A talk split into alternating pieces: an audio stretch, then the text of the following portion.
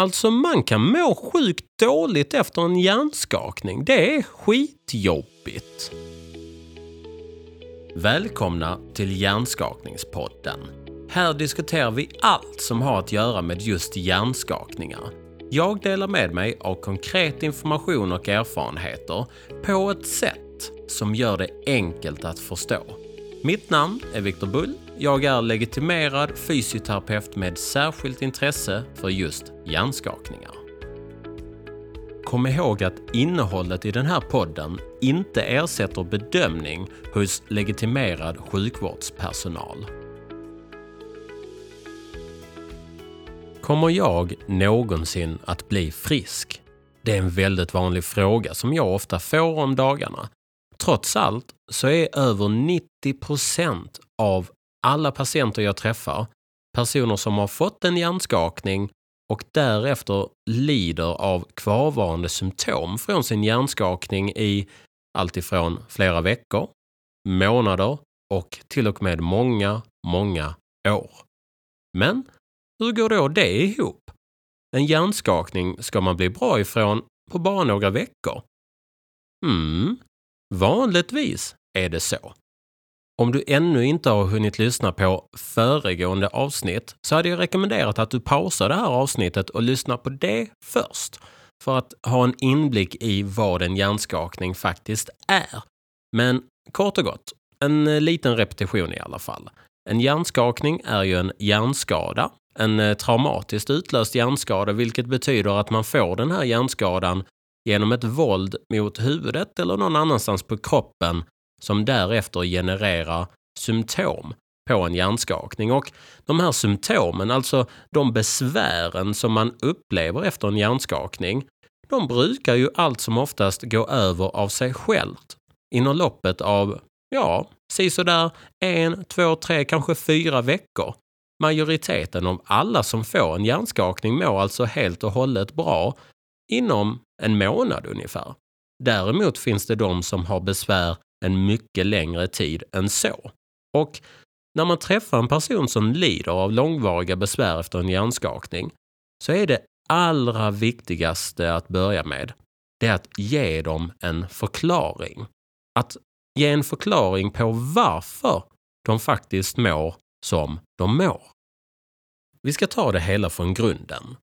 Hur mår en person med långvariga symptom efter en hjärnskakning? Alltså, om du träffar en person som har kvarvarande besvär en lång tid sedan sin hjärnskakning, vad, vad skulle de i så fall berätta för dig? Vi ska ta två olika personer som är båda två verkliga exempel och som jag själv har träffat.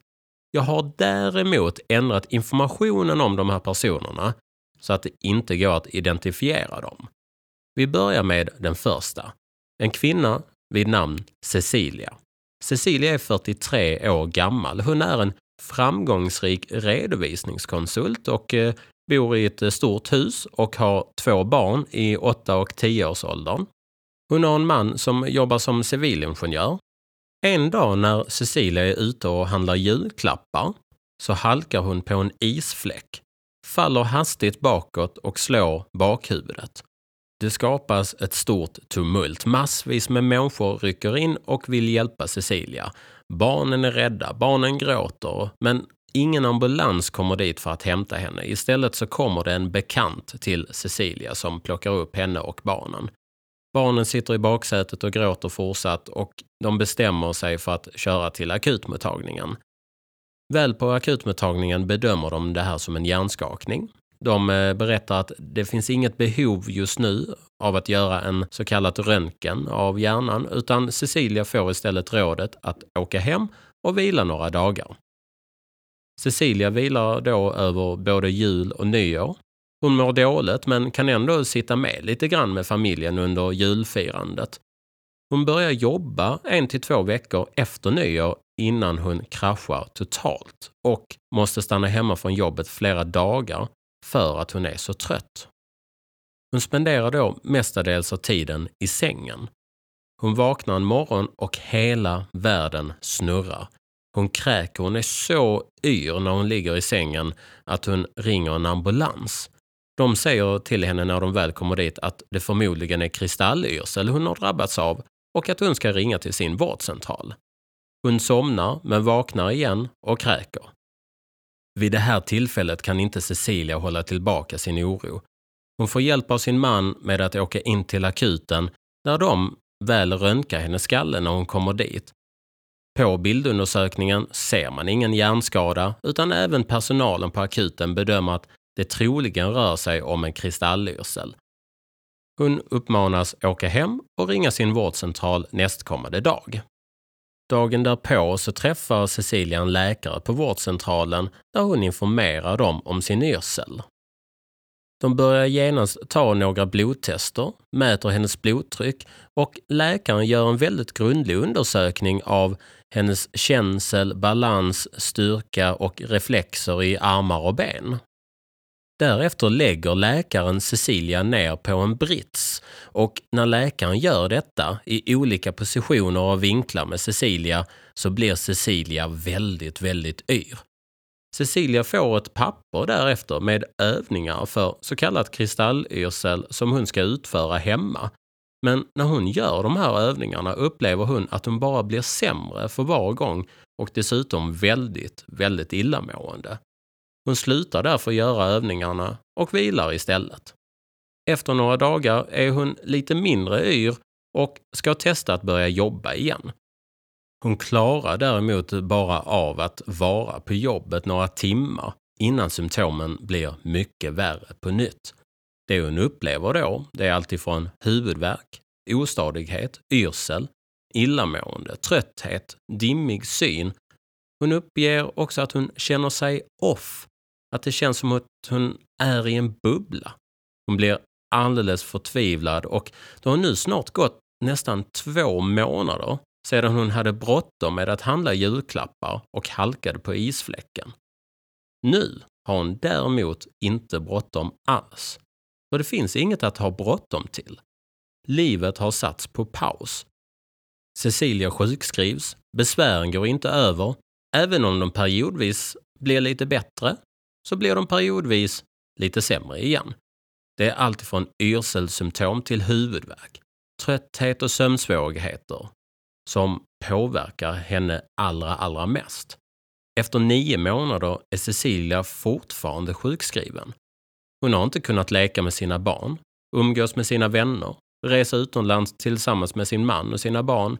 Hon är fast i en limbo.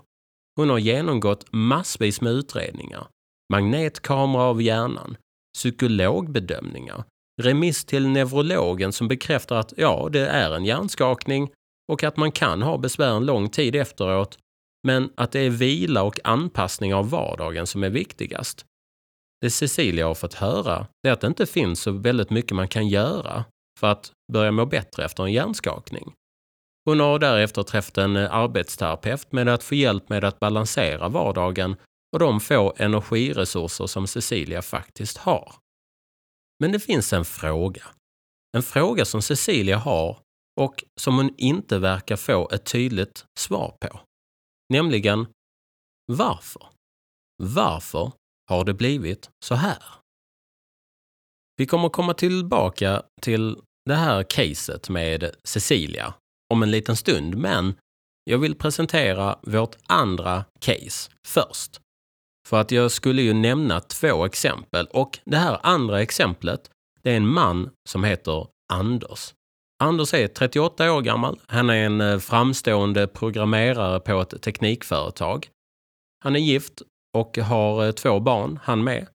Livet är i ständig rörelse, fyllt med projekt och deadlines. En dag, mitt i den hektiska vardagen, slår Anders huvudet när han halkar på vägen nerför en trappa. Smällen är intensiv, men han skakar av sig obehaget och fortsätter med det han skulle göra. Under samma dag, men framförallt dagen därpå, när Anders är på jobbet börjar han känna av konstiga symptom. Han har en huvudvärk som inte verkar vilja ge med sig. En konstant trötthet och svårigheter att koncentrera sig på sina arbetsuppgifter. Varje gång Anders ska fokusera ögonen på datorn eller på en text så blir han trött i ögonen. Han klarar inte av att byta mellan raderna när han läser. Han bortser från det och försöker pressa sig själv ännu mer och fortsätta som vanligt. En dag däremot blir det alldeles för mycket. Han är så trött i huvudet att han inte klarar av att koncentrera sig en sekund mer. Han går hem och tar det lugnt. Han ringer därefter vårdcentralen där han får en tid för undersökning hos en läkare. Läkaren gör en utförlig undersökning, förklarar att det är en hjärnskakning som Anders har drabbats av, men att det inte är nödvändigt med andra undersökningar just nu i alla fall. Läkaren råder dock att Anders inte ska jobba alltför intensivt. Läkaren sjukskriver därför Anders på 50% i en månad för att han ska få lite avlastning. Anders känner sig jättenöjd med detta och upplever sig lugnare efter det besöket. Men det lugnet ska snart övergå till stark oro då sjukskrivningen snart går ut och Anders inte känner sig ett dugg bättre. Han upplever till och med att koncentrationen gradvis har blivit sämre under månaden.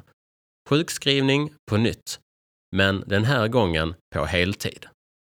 Besök på vårdcentralen leder till ytterligare tester, inklusive blodprov och remiss för en magnetkameraundersökning av hjärnan, där allt verkar vara helt utan anmärkning. Läkaren diskuterar med Anders och informerar om att det kan handla om en samtidig utmattning. Utmattning? frågar Anders. Jag är inte utmattad från livet. Jag är utmattad från när jag slog i huvudet. Anders känner sig förvirrad. Läkaren remitterar Anders till en specialist på hjärnskador som uppkommit efter olyckor. Och efter några veckor av otaliga undersökningar ställer en specialist diagnosen postkomosio-syndrom, som enligt specialisten är en form av hjärnskakning där symptomen fortsätter långt efter den initiala skadan. Anders försöker därefter återgå till arbetet men varje ansträngning resulterar i en ökande huvudvärk. Han får ökade koncentrationssvårigheter och trötthet. Livet för Anders sätts också i det här fallet på paus. Han kan inte längre delta i barnens aktiviteter eller ens utföra enkla vardagssysslor utan att efteråt känna sig orimligt trött. Många månader går och trots flertalet besök hos olika specialister och flertalet råd kring undersökningar och behandlingar så är Anders fortfarande sjukskriven. Det råd som Anders har fått av de allra flesta under hela den här processen är att han ska vila, ta det lugnt och låta hjärnan återhämta sig så gott det går. Anders befinner sig just nu i en väldigt svår situation. Fångad i en värld av konstanta symptom och en längtan efter det liv han hade innan olyckan. Även Anders undrar varför. Varför har det blivit så här? Vad kallas då det här tillståndet? Alltså det här tillståndet när man har långvariga besvär efter hjärnskakning. Många benämningar har historiskt sett använts. Allt ifrån namn som Håll i hatten, postkommotionellt syndrom, persisterande hjärnskakningssymptom eller prolonged concussion symptoms, post concussion syndrome och för argumentets skull kallar jag det i den här podden bara för långvariga hjärnskakningssymptom. Usch, okej. Okay. Ett första steg för att bli bra ifrån detta är att förstå vad det innebär. Hur vet man nu om man ens har långvariga symptom efter en hjärnskakning? Ja, man kan väl säga nummer ett, du har haft en hjärnskakning. Det är väl eh, det mest logiska att börja med. Och nummer två, du har kvarvarande besvär efter den här hjärnskakningen som du inte nödvändigtvis kan härleda till någon annan anledning än just hjärnskakningen. Detta kan däremot vara klurigare än vad man tror, men för att förklara vad långvariga hjärnskakningssymptom inte är för någonting skulle man kunna börja med att säga det är inte en hjärnskada som vanligtvis syns på en magnetkamera.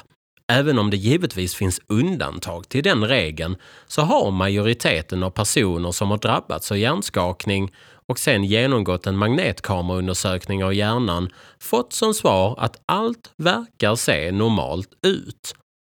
Dessutom innebär långvariga hjärnskakningssymptom inte per automatik att du kommer leva med det hela livet, även om det givetvis finns de som har besvär en mycket, mycket lång tid.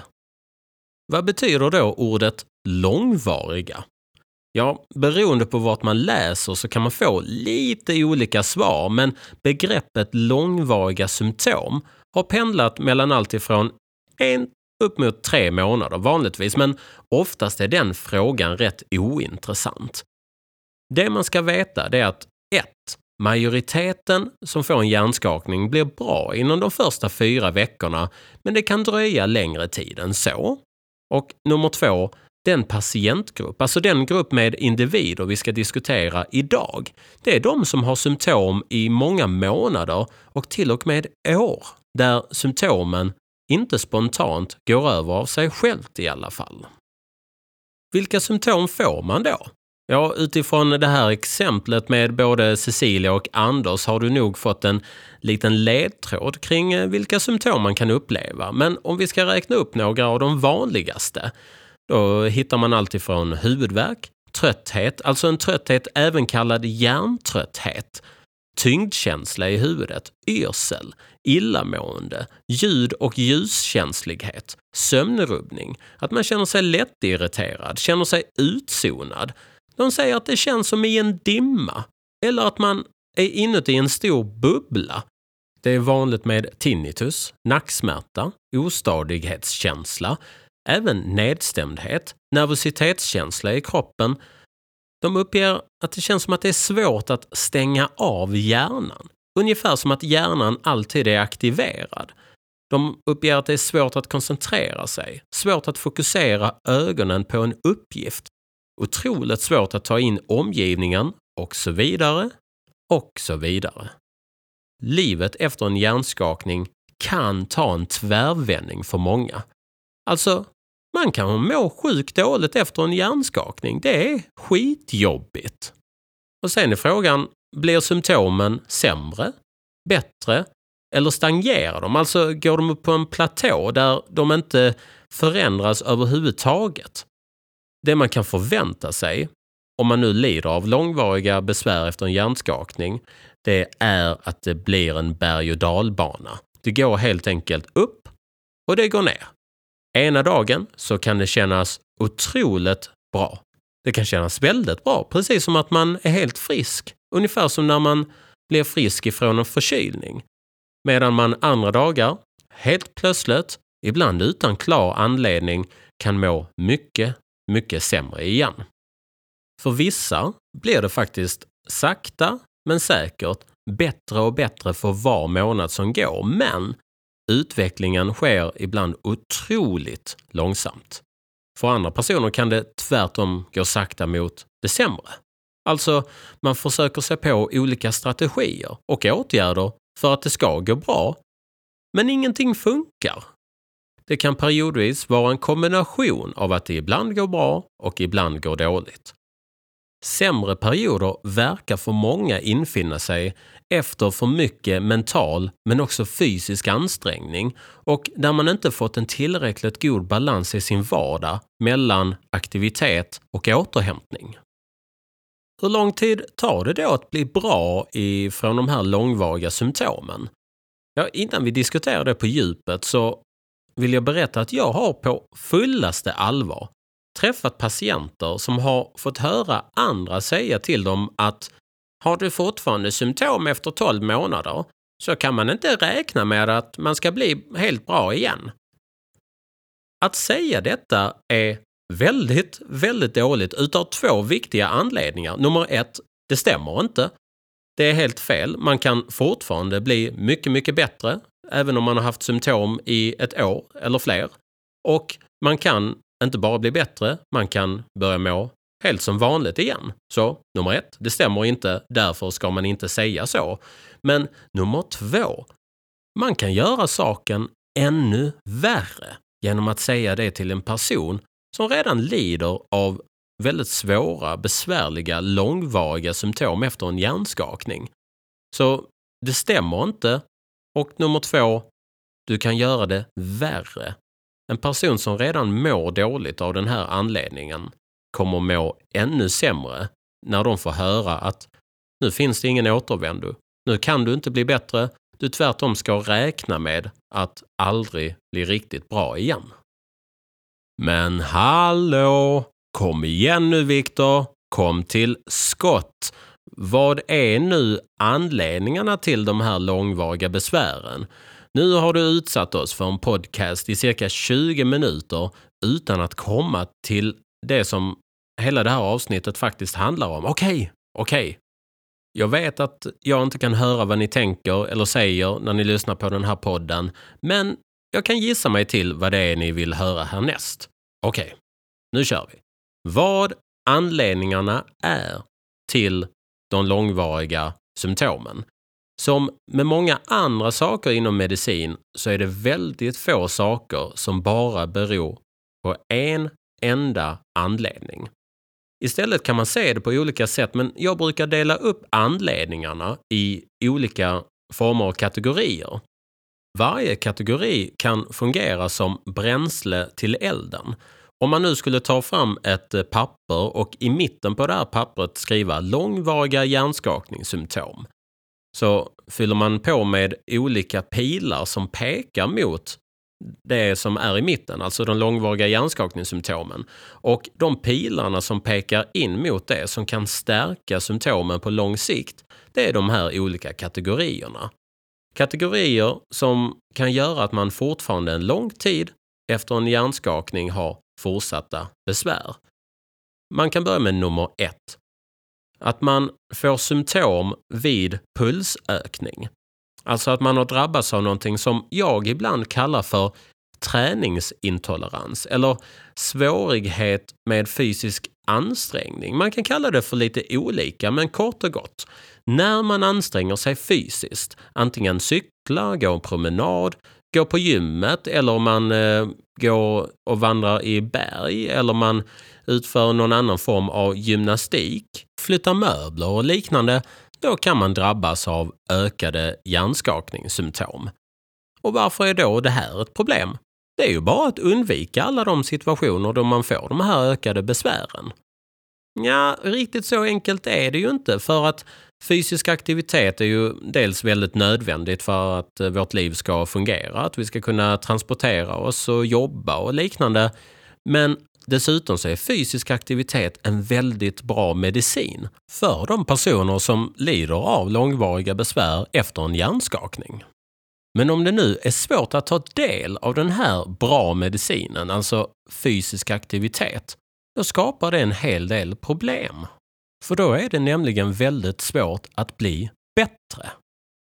Nyckeln till det hela kommer vi till vid ett senare tillfälle. Men det är nummer ett, att man får symptomökning vid pulsökning och därför har svårt att vara fysiskt aktiv och ta del av alla de fördelar man får av att vara fysiskt aktiv. Och sen kategori nummer två, nacken. Det är väldigt vanligt med besvär kopplat till nacken och det kan vara alltifrån smärta och stelhet, svårighet att träna, springa, utföra sitt jobb eller sova. Nacken kan därför vara en central punkt när det kommer till rehabiliteringen av en person som lider av långvariga besvär. En annan kategori är yrsel. Efter en hjärnskakning kan man drabbas av många olika former av yrseldiagnoser.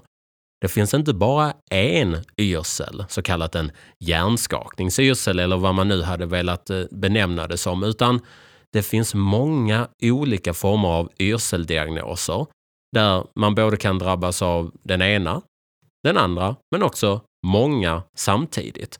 Därför är det väldigt viktigt att man får en korrekt bedömning av sin yrsel för att kunna rehabilitera och behandla den på ett bra sätt. En fjärde kategori att gå igenom, det är ögonen. Det är väldigt många som uppger besvär när de ska fokusera ögonen på en text.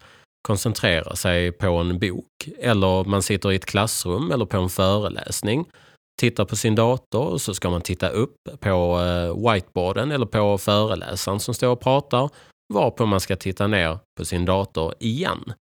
Många upplever att de här olika formerna av koncentration tröttar ut ögonen. Man kanske klarar det några minuter eller någon timme, men man har inte samma uthållighet längre. Man börjar få ont omkring ögonen, en kraftig huvudvärk och en trötthet som man annars inte hade fått. Nummer fem, det är kategorin sömnsvårigheter. Väldigt många lider av en eller annan form av sömnrubbning efter en hjärnskakning och det kan te sig på väldigt olika sätt. Vissa personer har väldigt svårt att sova sen man drabbades av sin hjärnskakning. Man lägger sig i sängen, man har svårt att somna när man väl vill somna.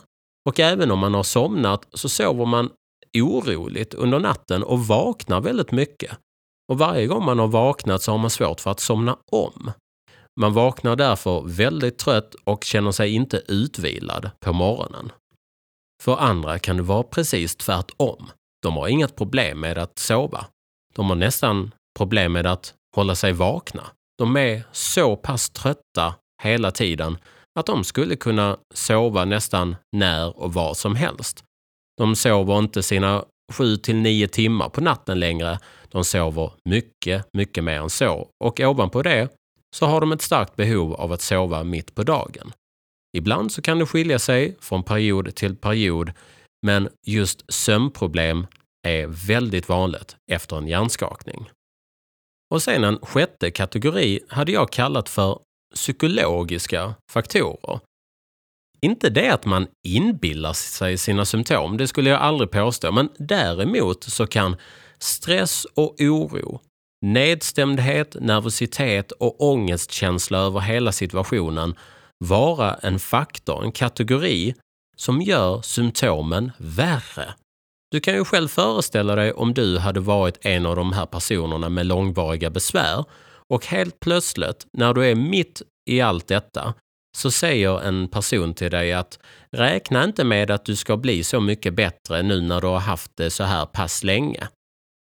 Vad hade det gjort med din redan existerande oro, eller ångest, eller nedstämdhet, eller nervositetskänsla i kroppen? Jag kan gissa att det förmodligen inte hade fått dig att må bättre och känna dig lugnare i själen.